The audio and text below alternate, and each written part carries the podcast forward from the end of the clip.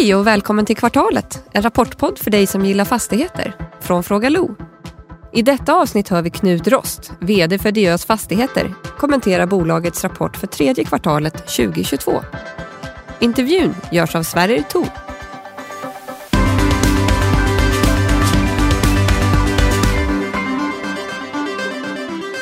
Hallå Knut! Välkommen tillbaka till kvartalet. Hejsan hejsan!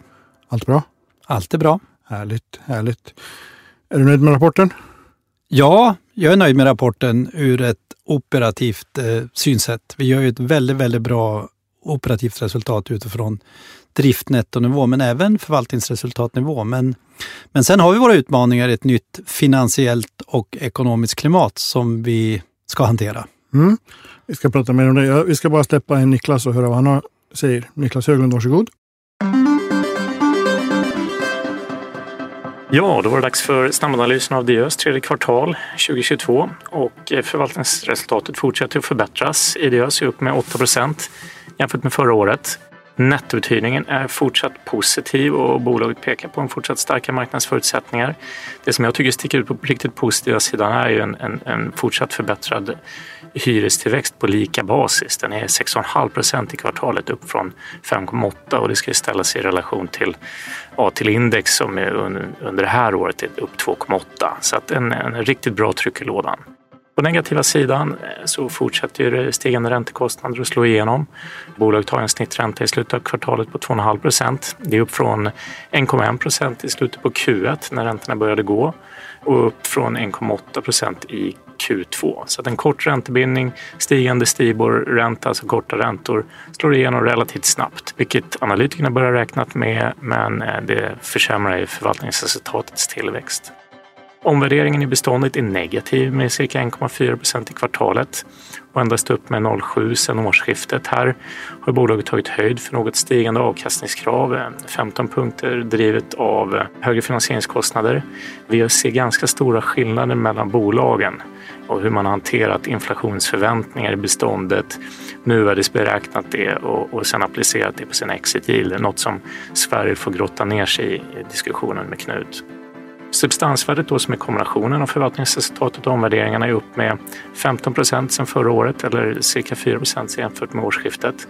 Och på kvartalsbasis så biter de här negativa värdena lite grann och substansvärdet faller med 1 procent jämfört med Q2. Jag har då tjatat om den här korta räntebindningen tidigare det skapar ju osäkerhet eh, kring tillväxten i kassaflödet, eller vi ser ju nu hur det begränsar det och det slår igenom. Men det ska vi också vara tydliga med att det ska ställas i relation till bolagets starka kassaflöde som definitivt kan hantera lite stigande räntor, eh, särskilt givet då stödet från förvaltningsportföljen. Belåningsgraden däremot ligger fortsatt över 50 procent eh, och närmare 52 faktiskt. En nivå som är ja, relativt låg för den som har följt IÖS länge men, men också något över sektorn nu och eh, någonting som är en, en klart begränsande faktor i, i en lite tuffare finansieringsmiljö i dagsläget. En viktig värdedrivare framåt är ju såklart de goda förutsättningarna för tillväxt. Här har ju, visar ju deras marknader sjunkande vakanser, stigande driftsnetton och det underbygger potentialen liksom både i, i stående tillgångar och, och, tillväxt framöver. Just nu så håller ökningen av, av finansieringskostnader tillbaka men glöm då inte att bolaget har en direktavkastning idag på närmare 5,6 procent och den kommer ju fortsätta att, att växa givet den här höga indexeringen som förväntas nästa år och en bra underliggande förbättrad marknad. Aktien handlas med en rabatt på närmare 30 procent i substansen.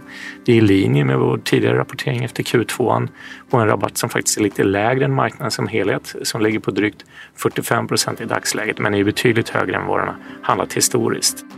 Tre negativa. Det är en relativt stor exponering mot handel och butiker. Det står för 17 procent av hyresvärdet.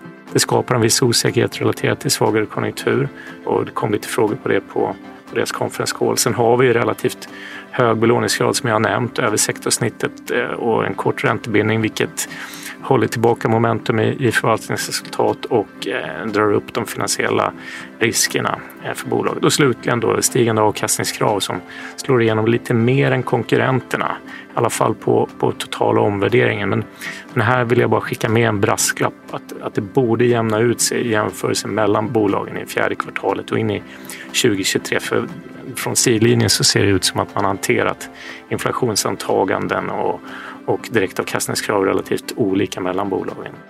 Tre positiva. Det är en positiv nettouthyrning som underbygger lägre vakanser och stöd för hyror in i ett tuffare 2023. Jätteviktigt.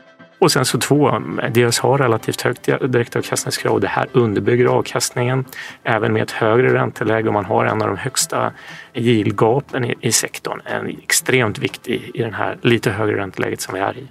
Och sen tre såklart en attraktiv värdering både på substans och kassaflöde. Det här är ju synligt även med korrigeringar på värdet i kvartalet. Tack för det Niklas. Du tvekade lite när jag frågade om du var nöjd och, och du var ju lite inne på det. det. Alltså operativt ser det ju väldigt bra ut. Liksom, eh, förvaltningsresultat bra. Men jag hajade till när jag läste. Eh, jag, jag börjar alltid med att läsa första sidan. När jag läser tidningar då läser jag sista sidan först. Och sen går jag bakifrån. Det funkar inte så bra när man läser kvartalsrapporter. Första nyckeltalen på, på framsidan var ju jättebra. Eh, men sen går man ner till värdeförändringar och resultat på sista raden och det såg lite sämre ut. Vad, vad är det som har hänt? Om du tittar på hela perioden, alltså eh, januari till, till september, till och med september, så, så ser det ju ganska bra ut ändå. Det, det är ju plus ändå. Mm. Vi lät värdera hela vårt bestånd nu i Q3 och eh, då har vi skrivit ner fastighetsvärden med 400 miljoner ungefär. Vilket jag på ett sätt, nej jag är inte alls besviken på det. Det var nästan lite väntat med tanke på hur det ser ut. Det är ju en mycket orolig värld där ute. Mm. Det är högre, högre kostnader på, på banklån. Obligationsmarknaden för fastigheter fungerar inte alls. Eh, eller den är åtminstone väldigt dyr. Mm. Eh, vi har sett några stycken som har ändå emitterats eller mm. ställt ut obligationer på väldigt höga nivåer. Eh, så att i min värld så fungerar den inte. Inte ännu. Och det kanske tar något, något kvartal till. Mm. Så att det är inte konstigt tycker jag att vi får, vi får lite värdesänkningar, men det är ändå ganska lite. Det är en procent av vårt hela bestånd, så jag menar det är inte alls mycket. Får tänka på också eh, att eh, de här fastigheterna ska stå i 200-300 år. Det här är ett enda kvartal. Eh, så att nej, jag är inte orolig. Okej, okay, okej. Okay. Men för det här är ju intressant. Ni, ni, ni externvärderar hela beståndet inför Q3. Det brukar man väl aldrig göra? va? Man kör väl Q2 och Q4 intern Q2, extern Q4? Ja, det är lite olika. Jag tycker, jag tycker att det vi gjorde nu med att värdera externt till Q3 var att ta ansvar faktiskt. Därför att vi ville ha en extern syn på det. Det finns ju alltid risken att det går åt ena eller andra hållet när man värderar själv. Mm. Även om vi värderar på samma premisser som, som, eh, som, som proffsvärderaren gör, alltså konsulthusen gör. Men, men eh, jag tycker ändå, och vi i ledningen tycker att vi har gjort rätt som har gjort så här. Vi har tagit vårt ansvar. Vi vill också ställa upp för våra aktieägare och visa så här ser det ut. Och ehm, en, en nedskrivning på 400 miljoner, det är, ju, det, är ju, det är ju ingenting egentligen. Även om det är mycket pengar så är det ingenting i det stora. Vi har ett bolag som är värt drygt 31 miljarder. Mm, så mm. att, eh, ja, det är en spännande tid vi är inne i. Men så länge marknaden ser så stark ut, så länge våra lokala team gör ett så fantastiskt bra jobb. Eh, och det här kommer jag komma tillbaka till fler gånger. Jag är så nöjd med det jobbet som görs nu på våran heta marknad, jag måste säga det en gång, jag ska inte säga het marknad, stark marknad. Mm, mm. Um, så våra städer är ju helt rätt valda. Vi är på rätt typ av fastigheter. Och nu ska vi bara ta oss igenom det här som sker nu, eh, där vi har en räntehiss uppåt. Mm. Och förhoppningsvis en, en, en, när vi har nått toppen så kanske vi får mera tryck på räntesänkningen när inflationstrycket är under kontroll. Okej. Okay. Ni, ni bor ju på en marknad som är av tradition lite mer, vad ska jag säga, lite svagare än, än den vi sitter i idag, till exempel Stockholm. Alltså det har ju vi har ju pratat om det tidigare på det. Det har varit sånt otroligt tryck uppe i norr. Eh, kanske inte på själva fastighetstransaktionsmarknaden, men i ekonomin. Är det här ingenting ni märker av? Alltså, jag, jag är lite nyfiken på värderingsantagandena. Eh, nu vet jag inte hur mycket du kan redogöra för dem, men för vad jag ser så är yielden är i stort sett oförändrad. Ja, men alltså, alltså om, du, om, du, om du får en yield-uppjustering med 15 baspunkter, 0,15 alltså, mm. Eh, då får du den här effekten när du har stora värden. Så det är fortfarande, jag ser att du är ute efter lite dramatik. För, Nej, men jag för, för mig är det inte dramatik förstå. alls, utan, mm. utan ehm, jag ska inte säga snarare tvärtom, jag höll på att säga det. Det är klart att man vill hela tiden ha värdeuppskrivningar. För hela perioden så är, så är, det, ju, så är det positivt 200 miljoner drygt. Och eh, det kan tyckas lite, men vi hade väldigt stora värdeuppskrivningar tidigare kvartal. Mm. Och eh, jag tycker nog att, igen säga, det här är att ta ansvar tycker jag. Dels att låta externvärdera i Q3. Eh, det var lite modigt gjort av oss och det får jag ta ansvar för och det gör jag. Mm. Men så länge marknaden är så här het, våra, våra nyuthyrningar och förlängningar av avtal fortsätter. Vi har nettouthyrningen på 59 miljoner för den här perioden, de sista tre kvartalen. Jag tror det är ungefär 70 miljoner om vi tar eh, på ett helt år. Och det ser dessutom ut att, jag ger ju aldrig prognoser, det är, en princip jag har, men en liten prognostisering kan jag göra, det fortsätter. Så nettouthyrningen ser fruktansvärt bra ut. Med sakta stigande hyresnivåer. Vi har inte de hyresnivåer man har i Stockholm. Eh, men vi har också valt bort Stockholm därför att konkurrensen är högre, därför att, eh, därför att volatiliteten är större. Mm. Vi har inte den volatiliteten. Och jag vill påstå ändå när du säger att transaktionsmarknaden är, ja det är klart, tittar du i absoluta tal, då är ju transaktionsmarknaden mycket, mycket större i Stockholm. Men tittar du procentuellt så skulle jag tippa att den är ungefär lika, kanske till och med mer uppe i norr. Okej, okej. Eh, Men på en mycket tryggare marknad. Okej. Men förväntar ni er då... Eh, jag, jag är inte ute efter någon dramatik. Jag, det, jag, jag vill bara förstå och jag tror att det är ganska många som, som vill göra det. För det är väldigt... Alltså det är väldigt mix, vad ska jag, blandade signaler man får från branschen just nu. Men förväntar du dig att det blir en sämre transaktion? Alltså, för det är ändå liksom... Trycket i ekonomin borde ju ändå tala... bo- tala ska man säga, indikera att det, att det blir en starkare marknad uppe i norr. Med tanke på, liksom, för det är där det händer i ekonomin just nu. Jag är ganska övertygad om att det kommer att hända ganska mycket uppe i norr. Men om vi tar transaktionsmarknaden för hela Sverige så kommer den att vara trevande ett tag. Det kommer att ske transaktioner. Det kommer att ske transaktioner på från fem till några hundra miljoner. Men de här riktigt stora affärerna där vi inte vet vart den här räntehissen tar oss riktigt. För en sak är att vi, vi, vi kan säga att vi går från minusstyrränta till plus tre kanske. Mm. Alltså 3 procent, kanske plus minus någonting. Ehm, det vet vi ju. Ehm, men vi vet inte riktigt vilken implikation det har på våra direktavkastningar. Men att det blir en viss justering, det är jag ganska övertygad om. Och vi har tagit den justeringen eh, nu i Q3. Mm. Eh, och, men, men att transaktionsmarknaden kommer att vara lägre än den har varit, det är jag övertygad om. Och att den kommer att vara lite trevande ett tag. Kanske kvartal fyra, kanske lite in på kvartal ett. Mm. För att sen komma igång igen med nya förutsättningar. Mm. Jag tycker det är en mycket tydligare prognos än alla andra. Så. Ja. men Men, det, det, men, ja, men det kanske är för att jag har, jag har en enklare marknad att förstå. mm, mm, Ibland så ser jag ju affärer i, i Stockholm och andra storstäder i Europa som är ganska komplexa eh, och som, som egentligen eh, spretar ganska rejält. Vi har institutionella placerare i Stockholm som betalar med väldigt låga yielder. Eh, när vi köper på 7 i, i vissa delar av våra städer med potential. Där man då i Stockholm köper på 2,5 eller på 3. Mm, Då mm. kan man ju, ja. Vi gjorde en liten övning samman för ett och ett halvt år sedan om, om, om just Skellefteå. Mm. Och då pratade vi lite om institutionella kapitalet och när det Mm. kommer norr. Mm. När tror du att det börjar komma norr i, liksom, i, den skala som Mm. man skulle behöva? Ja, hur många gånger har jag haft fel? jag, jag, långt ett snöre? långt ett snör. Jag fattar egentligen inte varför inte fler... Alltså, om man är ett bolag som är rädd om sin, sin, sitt yield gap. Alltså man vill, man vill ju naturligtvis vara så högavkastande som möjligt med så liten risk som möjligt. Eh, vi är inte framme på något vis, men vi är på väg åt det hållet. Vi är väldigt rädda om vårt yield gap. Enda chansen att kunna bygga upp ett yield gap, det är ju att man är på en sån, sån marknad där direktavkastningskraven ser annorlunda ut än mot storstäderna. Sen fattar jag också att man rent värdemässigt kan tänka sig att vara en storstad eh, där man får enorma, en enorm hävstång i, i värdeutvecklingen. Men också i nedgång om, om det kommer. Och där är, den volatiliteten har ju inte vi. Nej. Och det är egentligen det största skälet till att vi inte är söder om Gävle-Borlänge. Utan är i våra städer och försöker i, så mycket vi kan vara, vara möjliggörare för de här, den här stora gröna omställningen som fortfarande bara boomar. Mm. Och fortfarande bara är i, i, i, i sin linda. Ja, vi vill tro det. Ja. Så är det ju.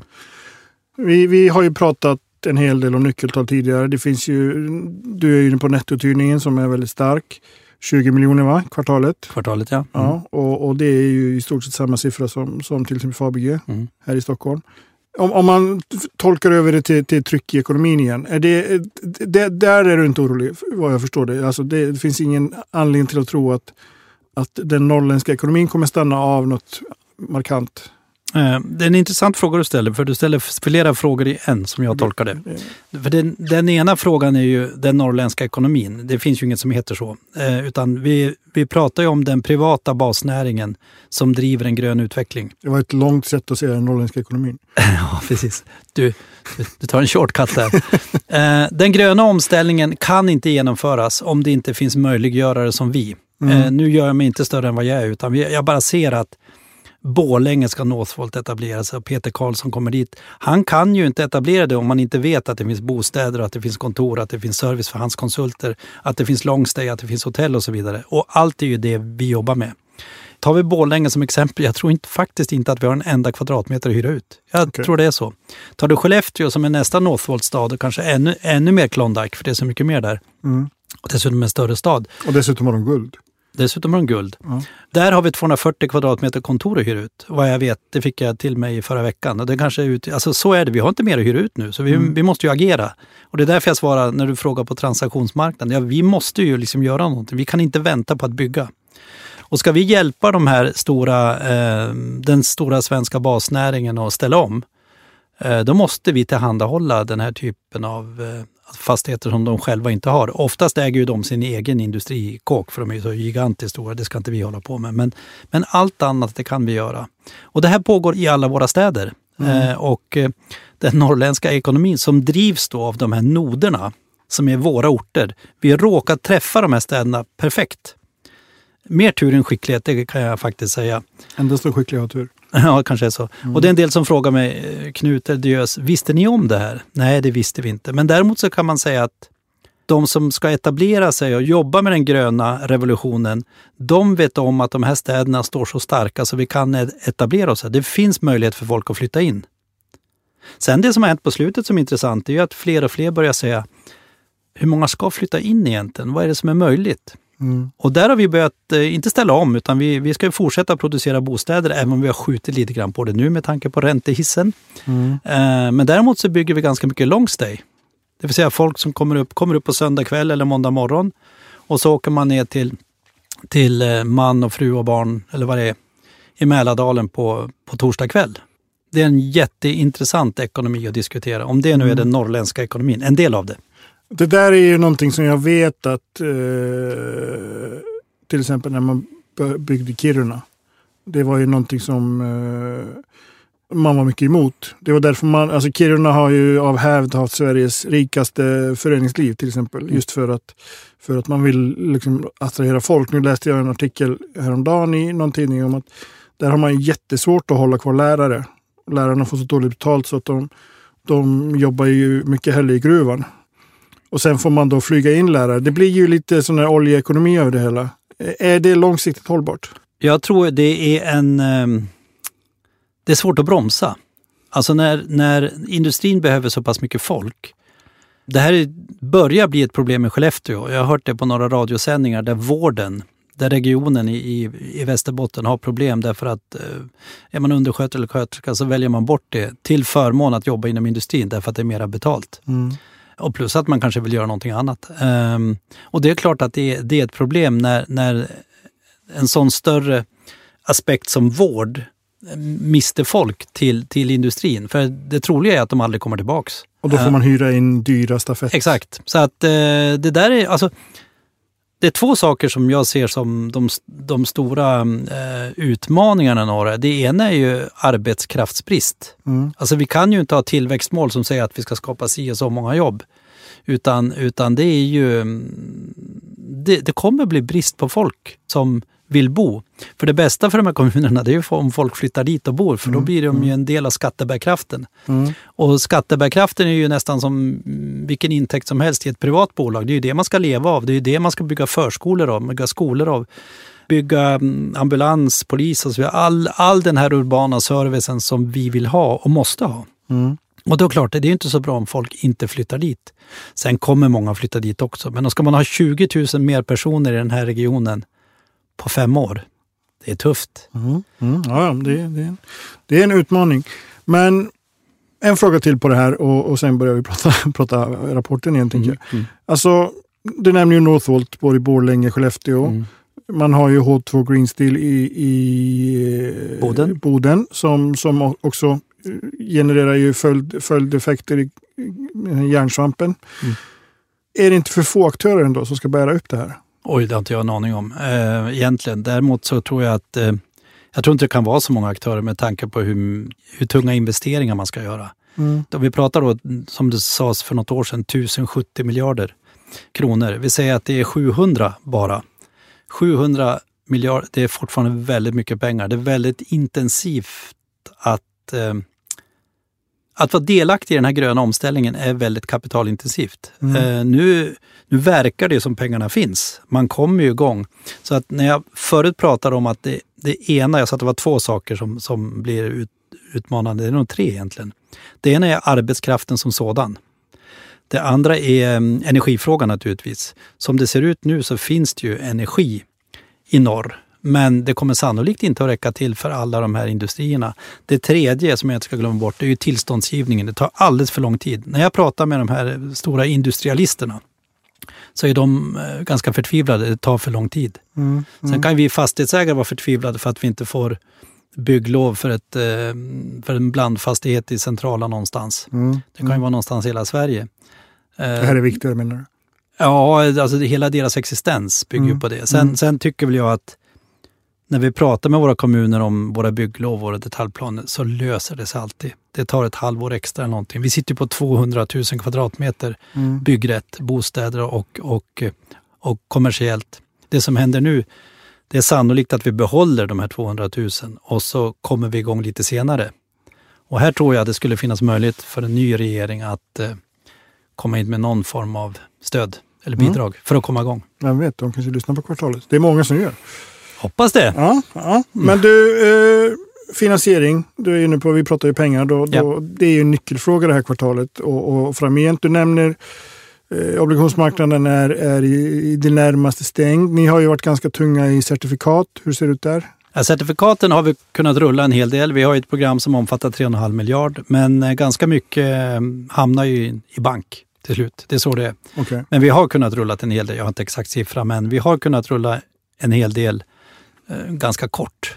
Men det här med eh, den här typen av produkter är ju egentligen bara lite grädde på moset, det vill säga Mm. att man kan få det billigare för att man är ganska kort och man är trovärdig. Mm. Mm. Och där har vi lyckats jobba in oss bra. Det är lite dyrare i början, så visar man sin trovärdighet och bygger resultat och visar att man, man är ett fäigt bolag. Då får man ju ganska bra priser. Men vi får se vad som händer med den marknaden. Men jag är säker på att allting liksom kommer tillbaka.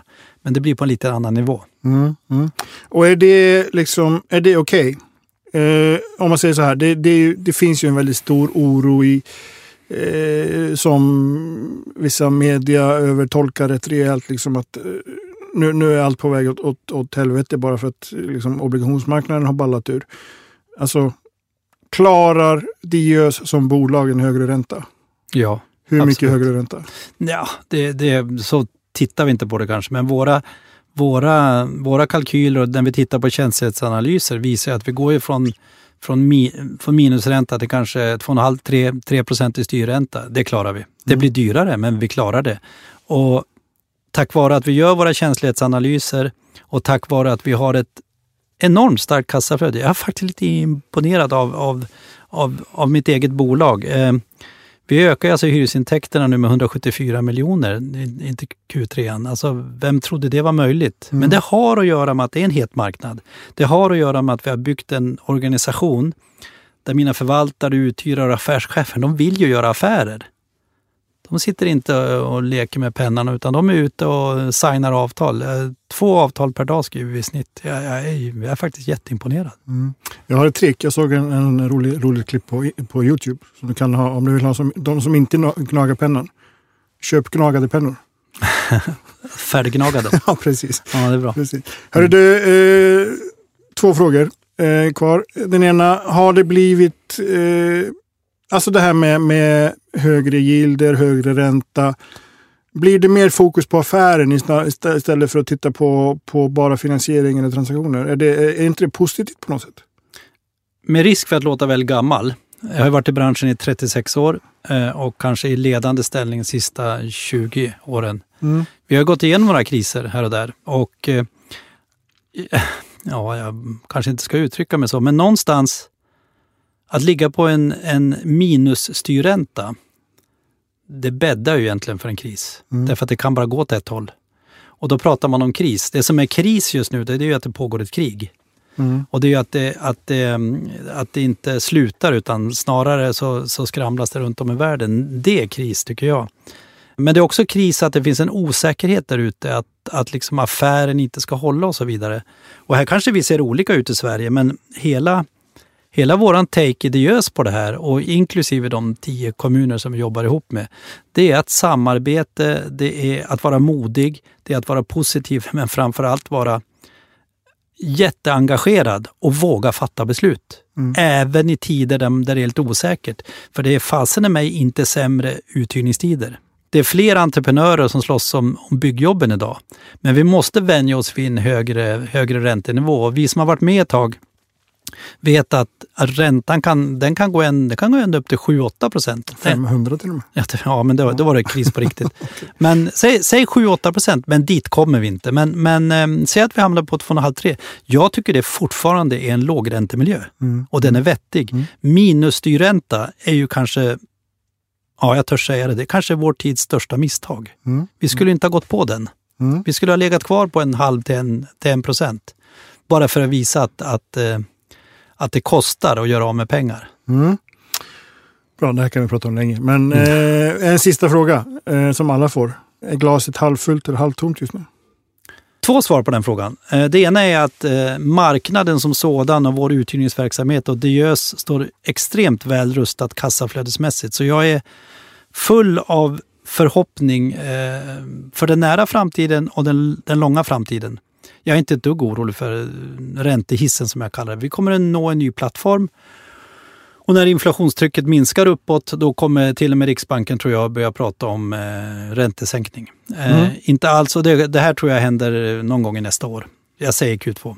Mm. Jag vet att du vill att jag ska säga det, så kan vi Nej, prata om det nej sen. jag tror mer på, på att de börjar, börjar stödköpa igen. Men okej. Ja, ja men så kan det vara. Mm. Och ja, det blir samma effekt. Eh, den andra grejen som, som kanske jag inte är lika optimistisk, eller jag vet egentligen inte mer än andra, det, det är att jag tycker den här osäkerheten, den här globala eh, samarbetet vi hade liksom innan kriget, eh, det var någonting fint, det var någonting bra. Mm. Eh, vi rörde oss över hela världen.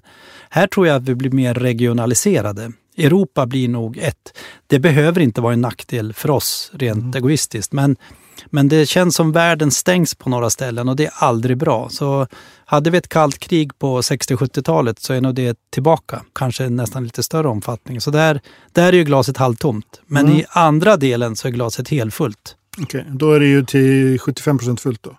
Ja. Toppen. Bra. Tack Knut. Jag är hellre full än tom också. Tack Sverige. Tack själv. Tack för att ni lyssnat.